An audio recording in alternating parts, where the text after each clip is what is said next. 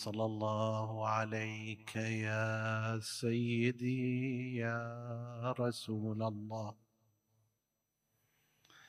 صلى الله عليك وعلى ابن عمك أمير المؤمنين وإمام المتقين. صلى الله عليك يا سيد الوصين وعلى أهل بيتك الطاهرين. ما خاب من تمسك بكم وأمن من لجأ إليكم. يا ليتنا كنا معكم فنفوز فوزا عظيما. قم ناشد الإسلام عن مصابه. أصيب بالنبي أم كتابه؟ أم أن ركب الموت عنه قد سرى؟ بالروح محمولا على ركابه.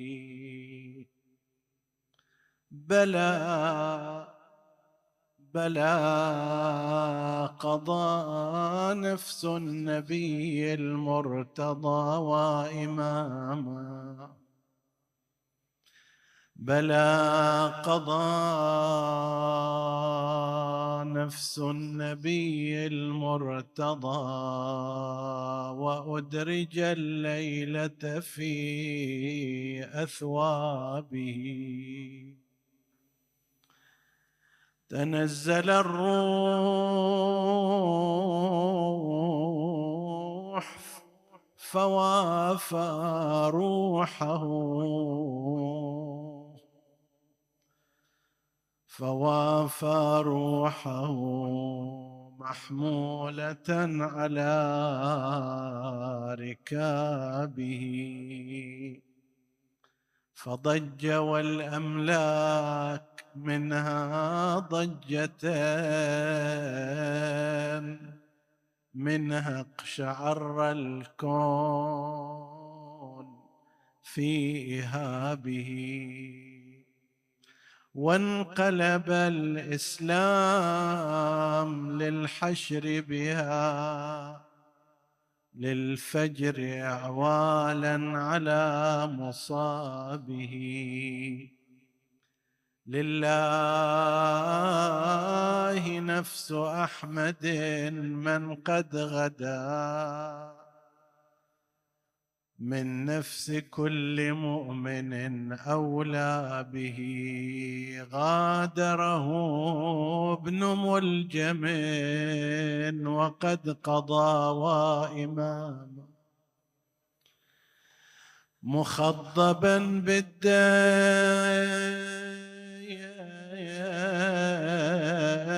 في محرابه.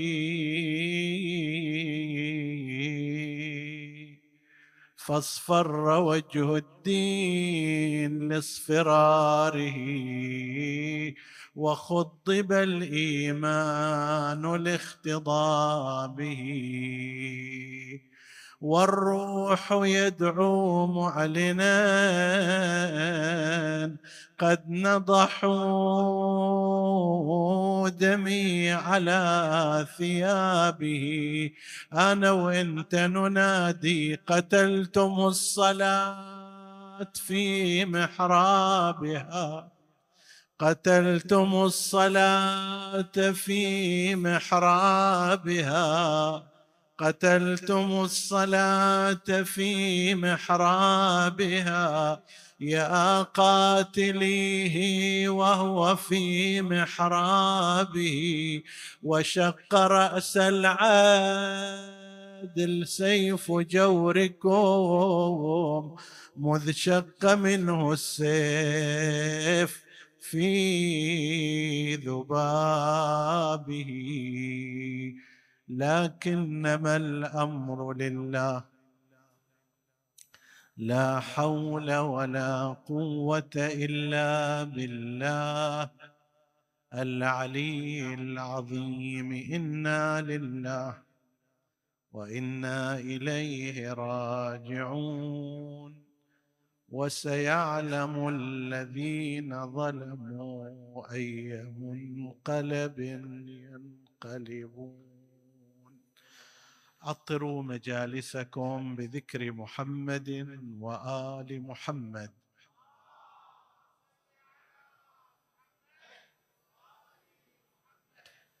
اللهم صل على محمد.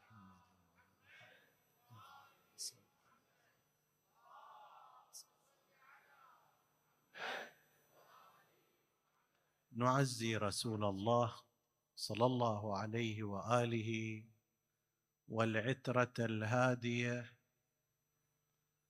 ومراجع الدين وعامة المؤمنين وخصوصا الحاضرين في هذا المجلس المبارك بشهادة مولانا سيد الوصيين أبي السبطين أمير المؤمنين عليه السلام ونسأل الله تعالى الذي عرفنا ولايته في هذه الدنيا أن يرزقنا شفاعته ومرافقته يوم القيامة إنه على كل شيء قدير. ونتحدث في هذه الليلة عن عرض سريع لحياة مولانا أمير المؤمنين عليه السلام من الميلاد إلى الاستشهاد. بعد أن تحدثنا في ليلتين متتاليتين في ليلة تحدثنا عن إمامته وتنصيبه من قبل الله عز وجل حديثا عقائديا وتحدثنا في ليلة أخرى عن لزوم تطبيق سلوكنا وأعمالنا على منهاجه. في حديث هو أقرب إلى الحديث الاجتماعي. وهذه الليلة إن وفق الله وأعان نتحدث بشكل سريع ومختصر حديثا في سيرته وتاريخ حياته. صعب جدا أن تحتوي البحر في كأس ماء. بنفس المقدار وأكبر أن تحتوي هذا المحيط من الفضائل والمناقب في مقدار من الوقت أربعين دقيقة أو ثلاثين دقيقة أو ما يزيد على ذلك. هذا أقرب إلى الأمور المتعذرة ولكن ما لا يدرك كله لا يترك جله ولا يترك الميسور بالمعسور. ونحن نريد أن نطل إطلالة هي عبارة عن أبواب نفتحها لكي يدخل في تفاصيلها من شاء وأراد. وينبغي للإنسان المؤمن أن يتعرف على حياة إمامه وسيد الأئمة عليهم السلام ووالد الأئمة أن يتعرف على حياته من خلال المطالعة والقراءة ومن خلال الاستماع ومن خلال التفكر. دورنا في هذه الليلة هو أن نفتح عناوين وابوابا. كانت ولادة أمير المؤمنين عليه السلام قبل بعثة رسول الله صلى الله عليه وآله بنحو تسع سنوات وكان عمر رسول الله صلى الله عليه وآله في حينها ثلاثين سنة. رسول الله أكبر سنا من أمير المؤمنين عليه السلام بثلاثين سنة وولد أمير المؤمنين في وقت كان رسول الله صلى الله عليه وآله لما يبعث بالنبوة بعد وكان عمره ثلاثين ثلاثين سنة. قضية ولادته كانت في الكعبة وهو الذي عليه المؤرخون المنصفون والمحدثون من الفرقتين. وقضيتها معروفة عندما جاءت فاطمة بنت أسد زوجة أبي طالب وقد قرب منها الوضع وطافت بالبيت الحرام لتسهيل ولادتها ووضعها فكان أن جاءها ألم المخاض وساعة الولادة وهي في أثناء الطواف ووجدت أنها تنساق بقوة غير طبيعية لدخول الكعبة في من شق جدار الكعبة لكي تدخل إليه. لم تدخل من الباب ولم يكن الباب مفتوحا وإنما دخلت من المنطقة التي تقابل الآن المستجار وما هو معروف هناك فانشق جدار الكعبة ووجدت كأن قوة تدفعها باتجاه داخل الكعبة ودخلت داخل الكعبة في أمر لا سابقة له ولا لاحقة له إلى يومنا هذا لكي تضع مولودها المبارك الطاهر المطهر في ذلك المكان.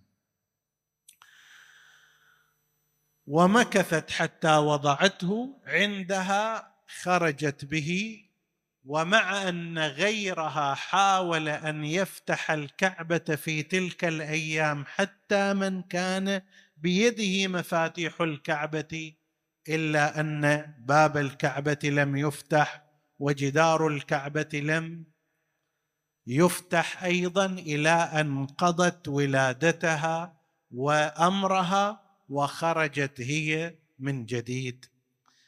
بعض أتباع الاتجاه الأموي والزبيري هذه المنقبة نسبوها إلى حكيم ابن حزام ابن خويلد وهو لا شأن له في الإسلام بل إنما كان محسوبا من المؤلفة قلوبهم والمؤلفة قلوبهم أولئك الذين لم يؤمنوا إلا بعد أن رضخ لهم من المال وأعطيت لهم الهدايا.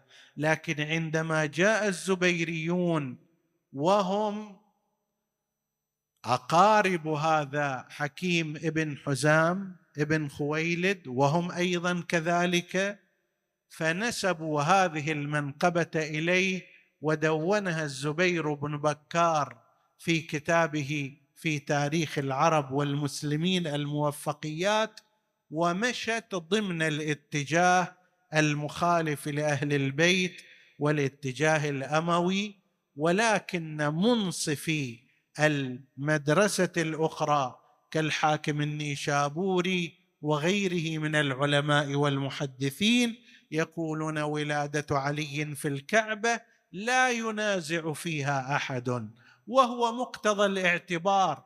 فهذه المنقبة التي الكعبة لا تستطيع أن تدخلها وتطوف بها امرأة حائض ولا نفساء. لكن لخصوصية الذي طهرها ويطهرها من الأصنام يتجاوز هذا وتقذف أمه في داخل الكعبة وليس في الطواف لكي تضع هذا المولود الطاهر المطهر المطهر للكعبة أيضا من الأصنام لكي تضعه في داخل الكعبة. وما أحرى بإمام الأئمة ووالد العترة أن يكون له هذه المنزله بعد ولادته ضمه رسول الله صلى الله عليه وآله إليه. وهذا أمر كان رسول الله متزوجا تزوج خديجة منذ كان عمره خمسة وعشرين سنة رسول الله صلى الله عليه وآله وأخذه وكان يحمله على كتفه وهو صغير ويدور به في المحافل ويؤرخ أمير المؤمنين عليه السلام هذه الحادثة فيقول ولقد علمتم منزلتي من رسول الله بالقرابة القريبه والمنزلة الخصيصة فكان يحملني وأنا ولد على صدره يضمني إلى صدره ويشمني عرفه يعني أشم رائحته العطرة ويشمني عرفة وكان ينصب لي في كل يوم علما من أخلاقه ويأمرني بالمسير إليه فما وجد لي خطلة في فعل خطلة في قول ولا زلة في فعل. من البدايات كان ملتصقا برسول الله حتى في هالمرحلة عمر السنتين وثلاث سنوات وبعض المؤرخين يقول كان أيضا إذا احتاج إلى اللبن من غير ثدي امه كان يسقيه من اللبن الموجود ويطعمه ويغذيه صلوات الله عليهما. إلى أن صار أكبر من ذلك أخذه إليه. وضمه عنده لأنه أحدقت بقريش سنوات قحط وجدب وضاقت الأمور بالناس ولا سيما بأبي طالب حيث كان أبو طالب كما ذكرنا في مناسبات أخر لم يكن ثريا كان رئيسا كان شخصية عظيمة ولكنه كان إلى الفقر أقرب منه إلى الغنى. ولذلك قالوا ما ساد قريشا فقير قط إلا أبو طالب. عندها بعد أن كبر قليلا وصارت سنوات الجدب والقحط جاء رسول الله صلى الله عليه وآله إلى العباس عمه ابن عبد المطلب وقال له يا أبا الفضل أنت تعلم حال الناس؟ يعني من القحط والجدب وهذا أخوك أبو طالب تضيق به الأمور وهو كثير العيال إلى ذلك. فلو أخذنا بعض أولاده وكفلناهم. وصاروا عندنا خففنا على أبي طالب. سيردها أبو طالب فيما بعد عندما يفدي ابن أخيه رسول الله صلى الله عليه وآله ويحمي رسالته بعد البعثه فقال قالوا لأبي طالب قيل إنه قال لهم أبو طالب اتركوا لي عقيلا وخذوا من شئتم. فأخذ العباس جعفر بن أبي طالب وأخذ رسول الله عليا ابن أبي طالب عليه السلام ضمه إلى منزله أصبح طول الوقت معه وعنده وتربى على يديه إلى أن صارت بعثة رسول الله صلى الله عليه وآله. هو يتحدث أمير المؤمنين عليه السلام فيقول ولقد سمعت رنة الشيطان عندما بعث رسول الله صلى الله عليه وآله. فقلت يا رسول الله ما هذا؟ قال هذا هذه رنة الشيطان وقد يئس أن يعبد من دون الله. أما إنك تسمع ما ما أسمع وترى ما أرى ولكن انك لست بنبي ولكن وصي وإلى خير. بعث النبي المصطفى محمد.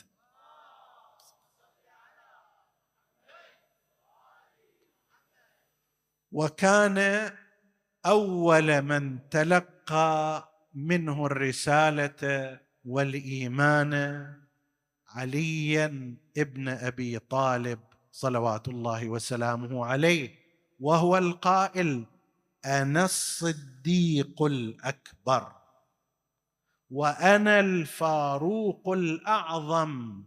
لا يقولها بعدي أحد إلا كان كاذبا.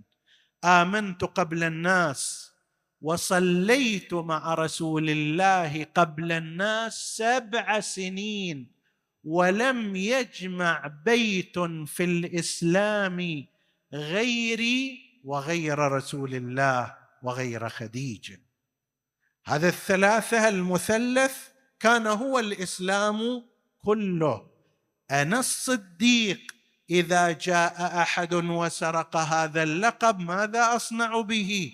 أنا الصديق الأكبر أنا الفاروق الأعظم الذي أفرق بين الحق وبين الباطل وأفصل بين الجنة والنار وأقسمهما. لا يقول ذلك أحد غيري معتقدا أنه هو إلا كان كاذبا.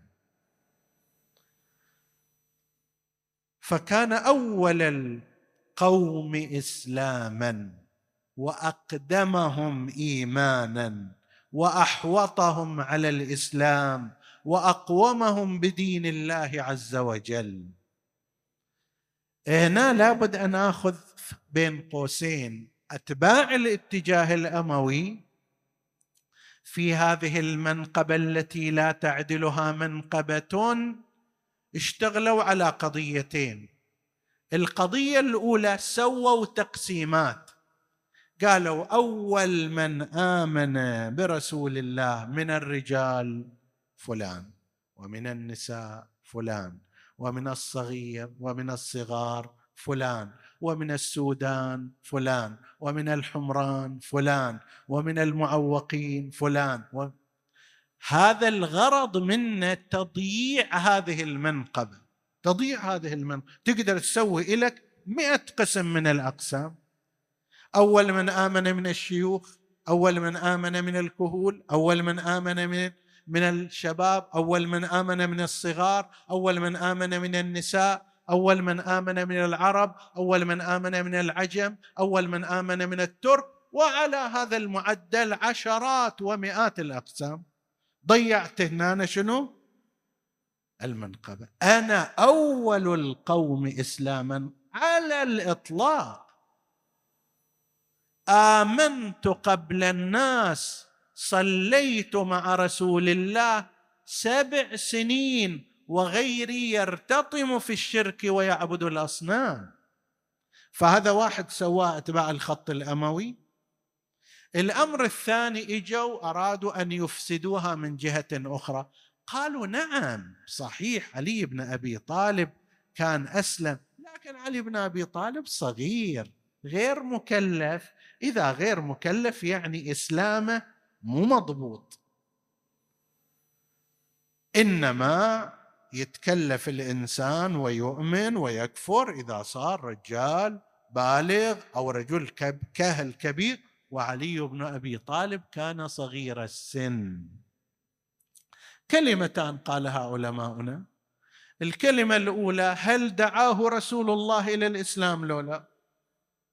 نعم دعا. إذا دعاه وهو يعلم أن الإسلام والإيمان لا يتمشى منه فالنبي غلطان في هذه الحالة. إذا النبي دعاه ويدري أن الإسلام مشروط بأن يكون هذا بالغا فقد تكلف النبي ما لا شغل له به.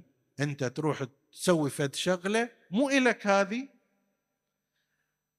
دعاه وهو يعلم أنه إذا قبل الإسلام يقبل إسلامه لو لا.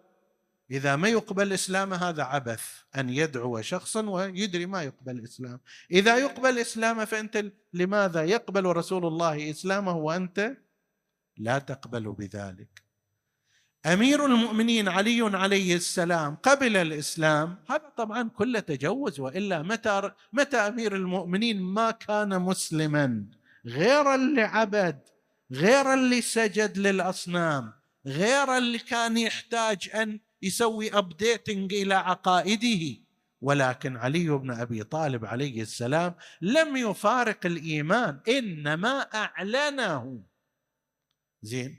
فعلي بن أبي طالب عليه السلام لما دعاه النبي وأظهر إسلامه يدري لو ما يدري أن هذا مقبول. إذا ما يدري وهذا مشكلة. إذا يدري لا بأس. فلماذا يفتخر فيما بعد؟ أنا أول من أسلم وصليت قبل الناس بسبع سنين وما حد قام اعترض عليه. كان بإمكان المخالفين إليه يقول يا يا علي أنت صحيح تقول ولكن أنت آمنت وأنت طفل لا يقبل إسلامك. ماكو واحد قام لكي يعترض على الإمام في ذلك. أكثر من هذا وهو صغير كان يحمي رسول الله صلى الله عليه وآله. وهذا عجيب تراها. علي بن أبي طالب لما آمن برسول الله في حدود العاشرة من السن زين؟ بس كان يشكل حماية لرسول الله. ليش؟ لأن كفار قريش قالوا إحنا خلينا نقسم الشغلة نهدد النبي من صوب ونحكي ويا أبو طالب من صوب ونخلي هذول الأطفال الهمج يركضون وراء محمد ويلقون عليه الحجارة ويأذونه وإلى آخره. علي بن أبي طالب لزم هذول. الواحد اللي يجي يذب حجارة على الام على النبي يشيله وهو يذبه مكان ثاني. اللي ما اللي ما يفيد في يأخذ اذنه هالشكل إلا شوية يقصها من عنده. حتى سمي بالقضم. يقضم هذا آذان أولئك. فبعد ما صار أحد من هؤلاء السفهاء صغار كبار يجرؤ على أن يأتي بأذن إلى رسول الله. ليش؟ خايف من ذلك القضم الذي كانوا يسمونه. من ذاك العمر بدأ الكفاح والدفاع عن رسالة الإسلام والدفاع عن رسول الله صلى الله عليه وآله. وهكذا استمر رسول الله في الدعوة. واستمر علي في الدفاع وكان يشارك النبي صلى الله عليه وآله دعوته والدفاع عنه وعنها إلى أن صارت قضية الهجرة. بعد 13 سنة من بعثة رسول الله الآن عمر النبي صلى الله عليه وآله 53 سنة وعمر علي عليه السلام نحوا من يعني شيل من ال من 53 30 سنة يصير 23 سنة هاجر رسول الله صلى الله عليه وآله. أوكل رحله وثقله ونساءه النبي تزوج أنجب أنجب فاطمة في السنة في السنة الخامسة بعد البعثة.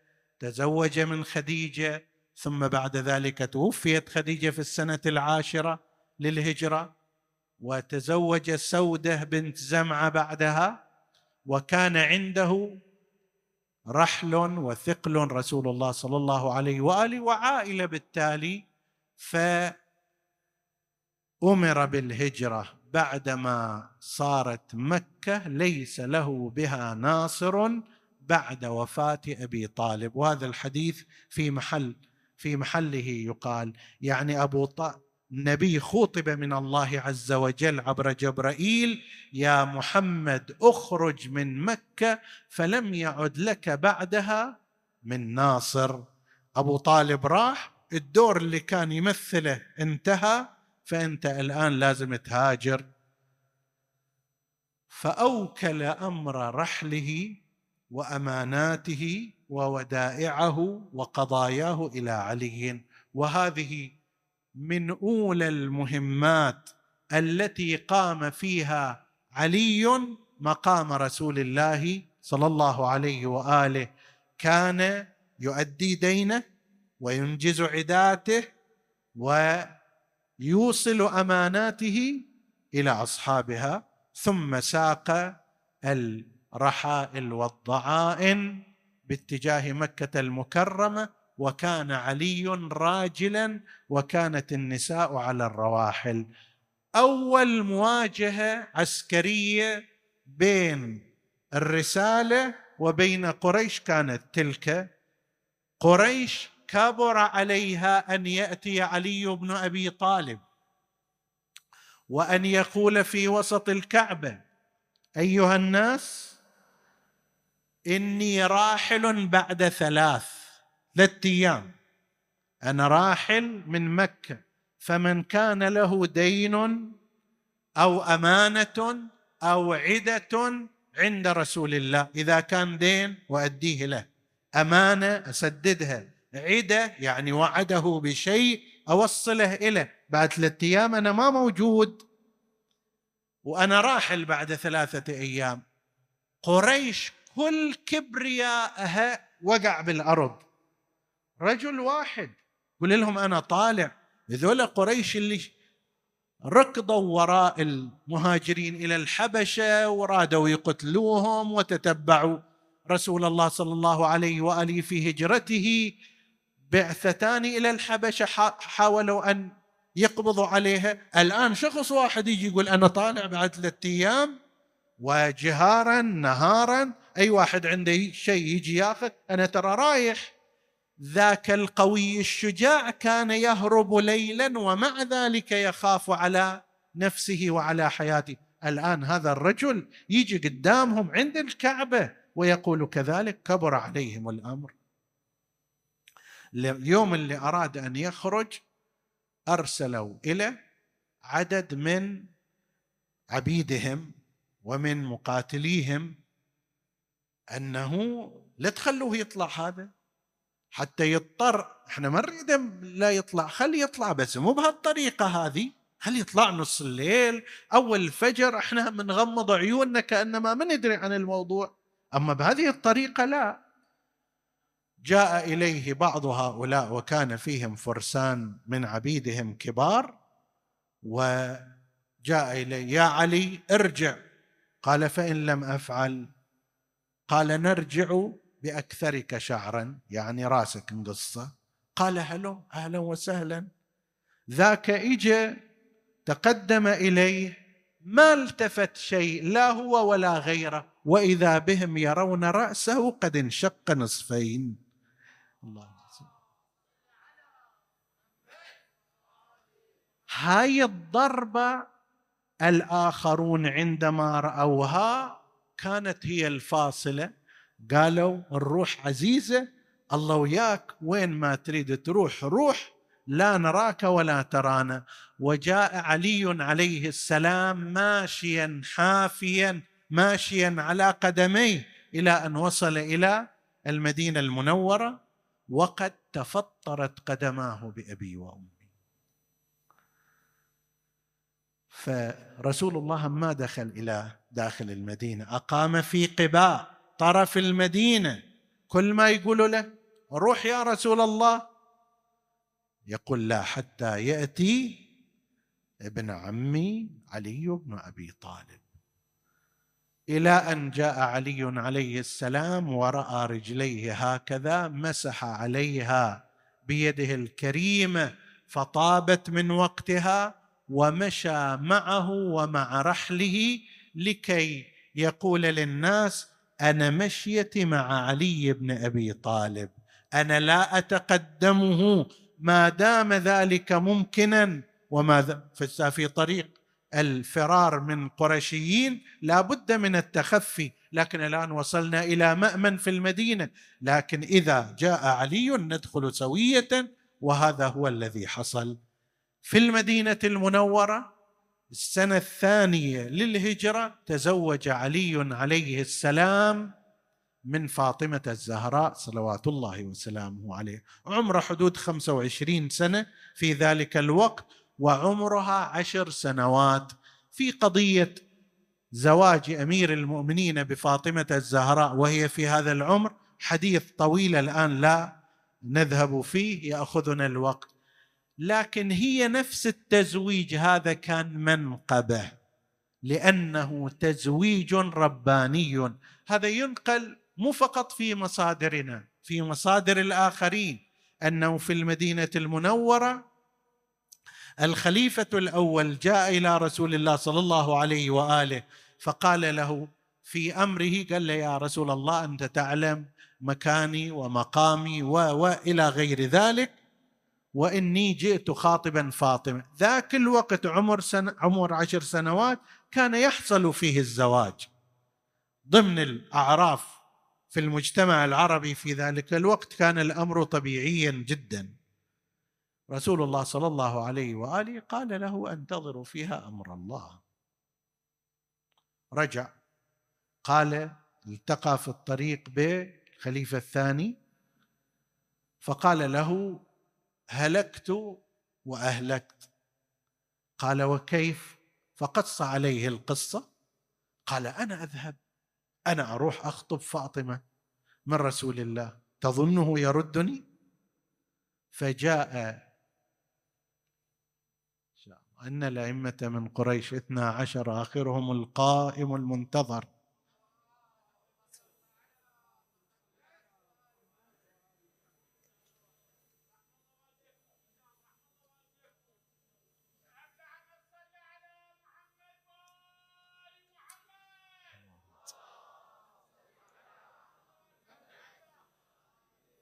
رجع إلى رسول الله صلى الله عليه وآله قال أنت يا رسول الله تعلم كذا وكذا وكذا؟ فقال أنتظر أمر الله في ذلك.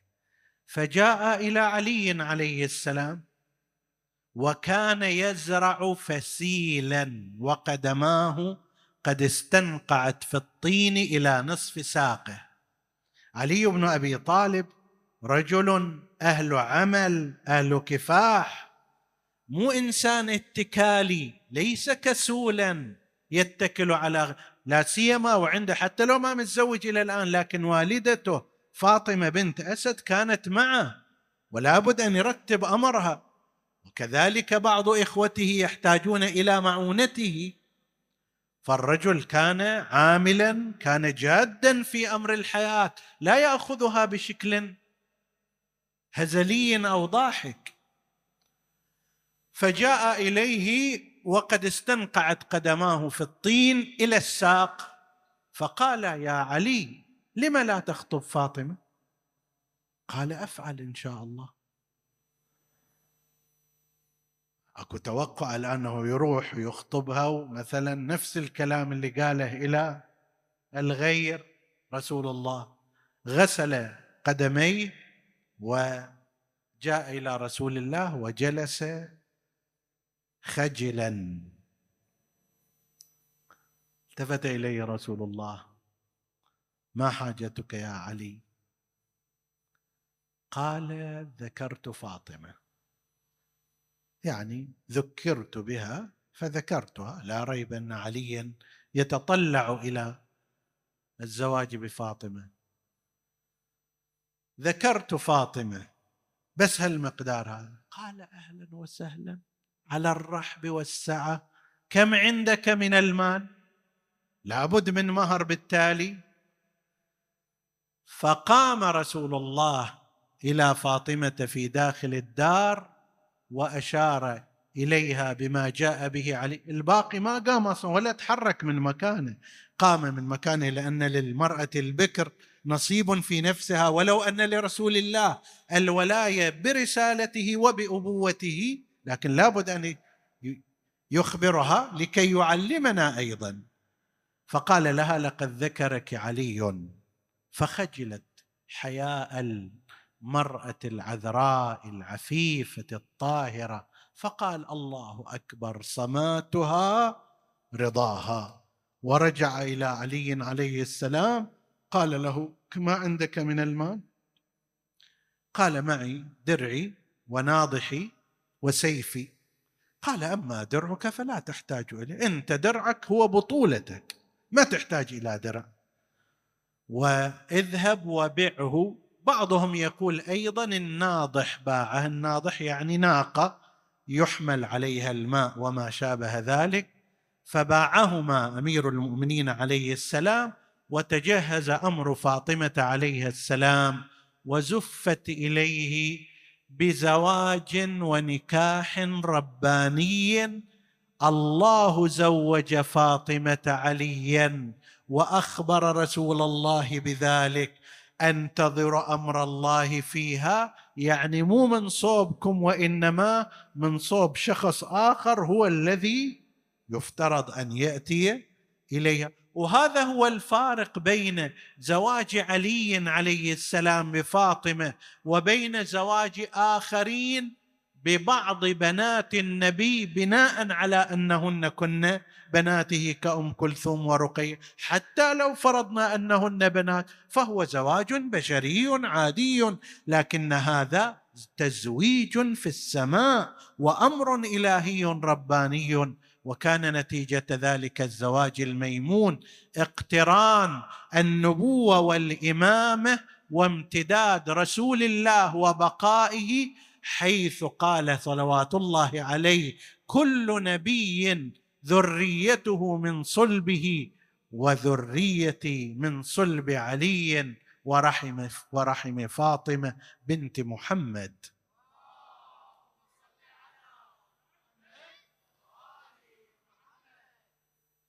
حروب رسول الله. بدر أحد خي الأحزاب خندق خيبر فتح مكة حنين كلها كانت شاهدة. مواقع ثبتت فيها بصمات أمير المؤمنين عليه السلام. برز الإيمان كله إلى الشرك كله في بعضها.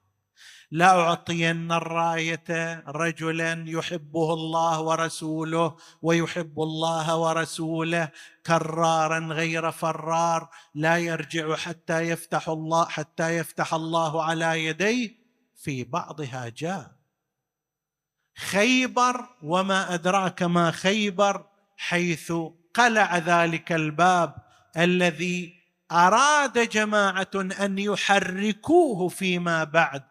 فما استطاعوا لذلك وهز حصنها وفتح الله على يديه واستطاع أن يكسر شوكة اليهود بل كان عندهم خبر ذلك عندما علموا أن هذا هو الذي يقول أنا الذي سمتني أمي حيدره قال اذا هلكتم وما نزل على يهود. هذا اللي اسمه حيدره هو الذي سوف يبيد خضراءكم ويهزم جيوشكم. فكانت هذه المعارك واحدة بعد الأخرى مواقع لتسجيل أمير المؤمنين عليه السلام بصماته في نصر الإسلام إلى أن توفي رسول الله صلى الله عليه وآله.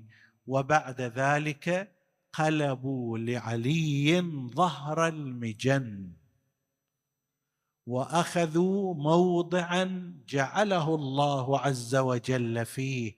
لكن ماذا يصنع؟ فوالله لأسالمن ما سلمت أمور المسلمين.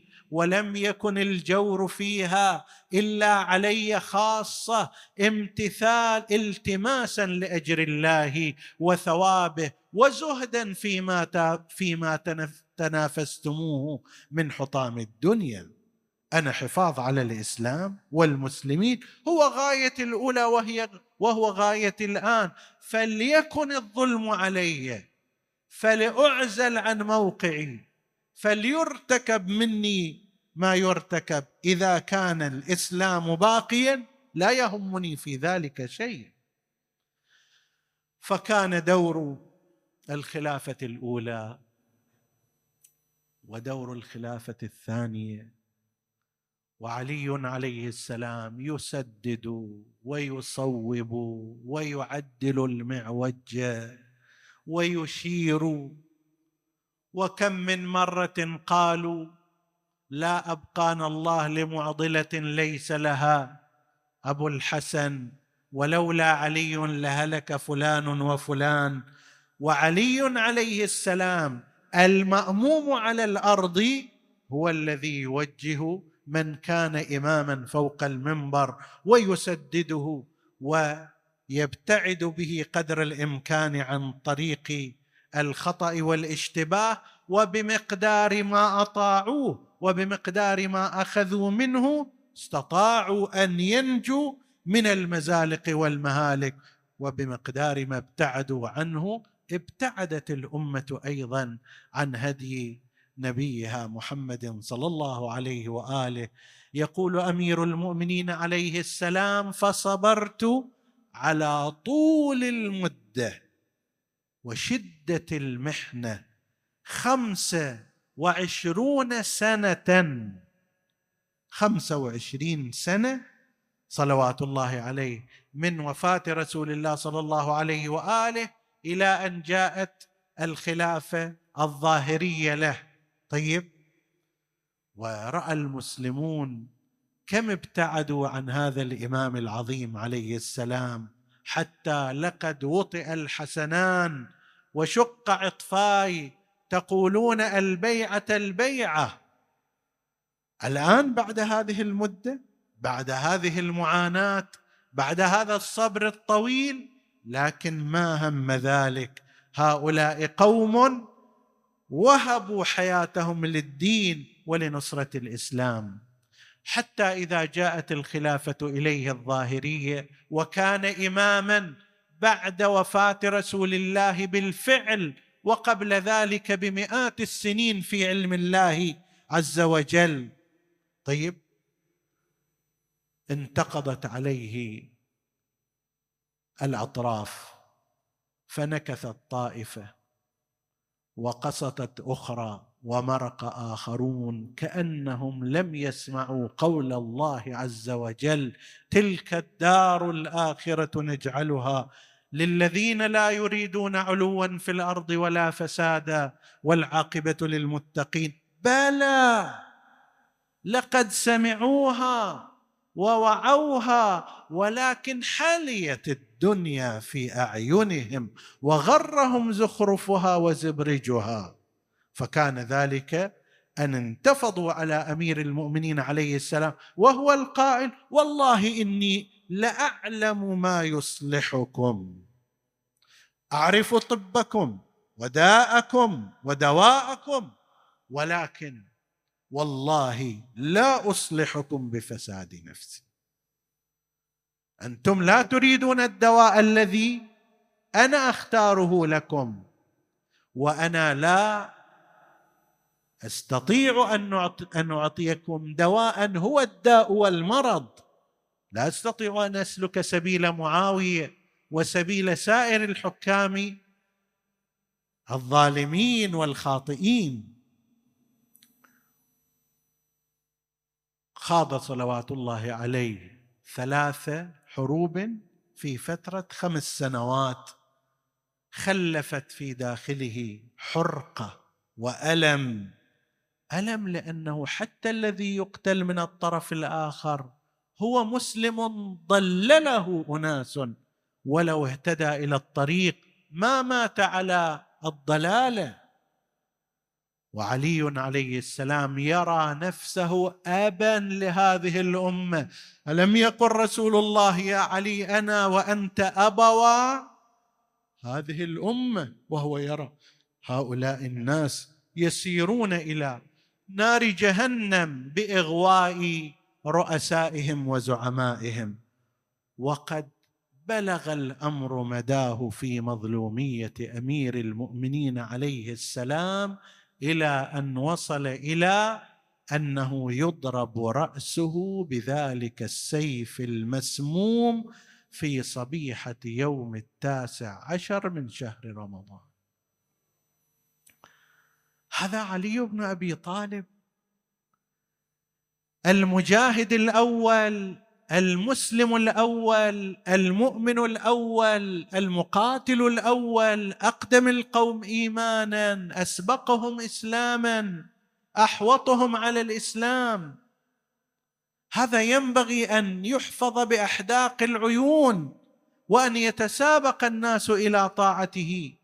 وإذا به في مثل هذه الليلة وقد اجتمع حوله أهل بيته يوصيهم بوصاياه ويعهد إليهم بعهده وذلك بعد أن جاء ذلك الطبيب هاني ابن أثير السكوني أكبر متطببي الكوفة نفخ عرقا من شاة ووضعه في مفرق رأس الإمام أمير المؤمنين ثم نفخه فظهر عليه بياض دماغ الإمام عليه السلام التفت إلى الحسن وعيناه مغرورقتان بالدم. قال يا أبا محمد.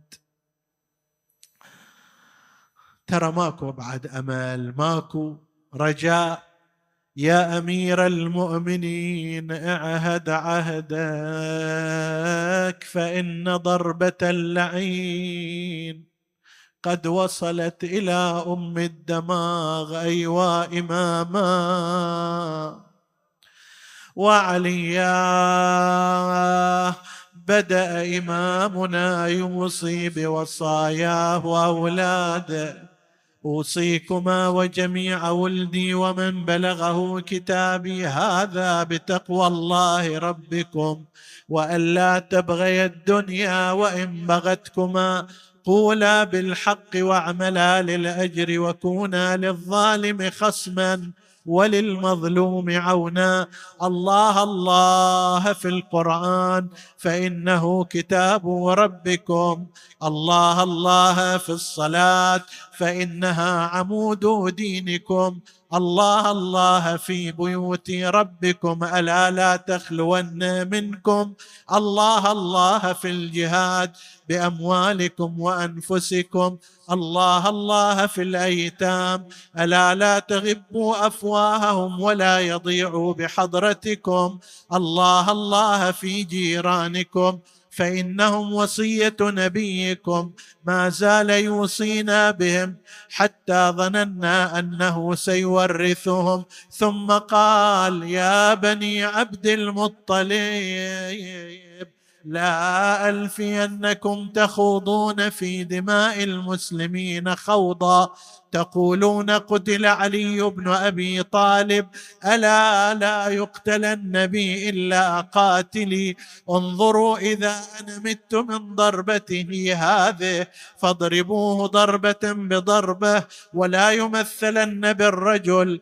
فإني سمعت رسول الله يقول إياكم والمثلة ولو بالكلب العقور ثم التفت إلى أولاده. قال أما أنت يا حسن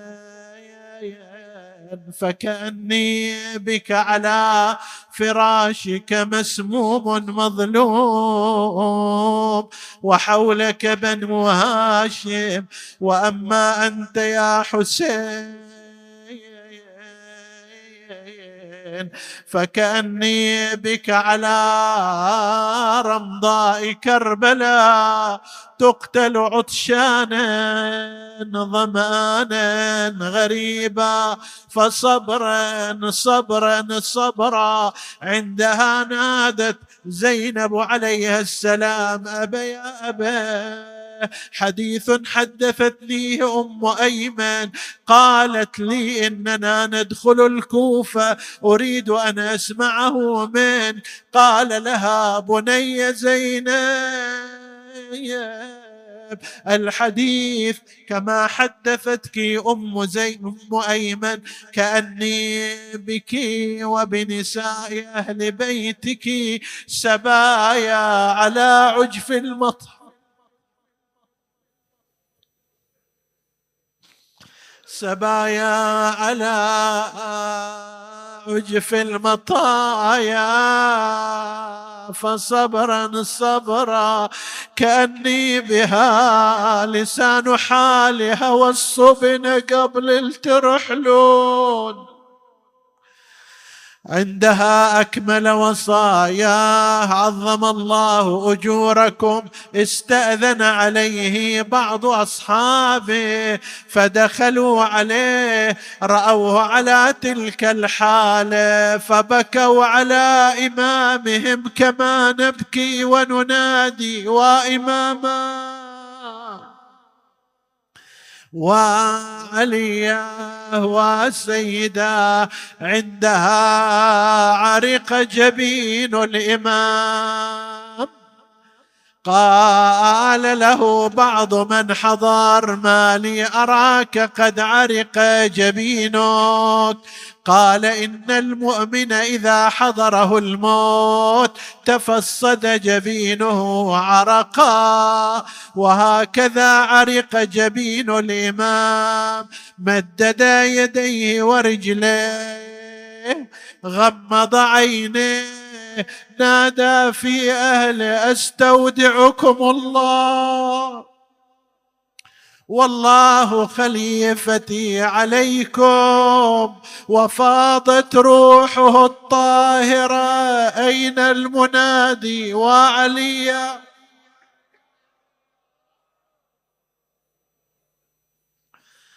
وإماما هو مظلوما وشهيدا. عجب حسين ما تم بصيام جاه العيد وولاد يتام. آه العيد مجبل والحزين زايد علي. عاين الدار المرتضى من خليل. فقد الأبو نغاص علينا هالسنه العيد. ومن الصبح باكر علي احزاني تزيد نبكي ونلطم والبكى واللطم ما يفيد نشبت مخالبها بحشاشتنا المنيه نسألك اللهم وندعوك باسمك العظيم الأعظم الأعز الأجل الأكرم يا الله. اغفر لنا ذنوبنا كفر عنا سيئاتنا.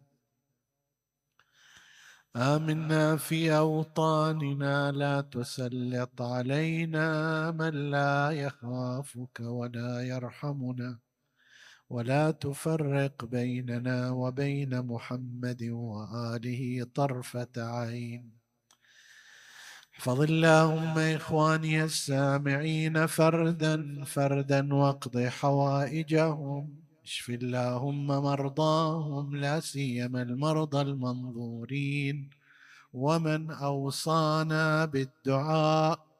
وفرج اللهم عن جميع إخواننا المكروبين فرجا عاجلا قريبا. تقبل اللهم عمل المؤسسين بأحسن القبول. وإلى أرواح موتاهم وموتى السامعين. نهدي ثواب الفاتحة تسبقها الصلوات.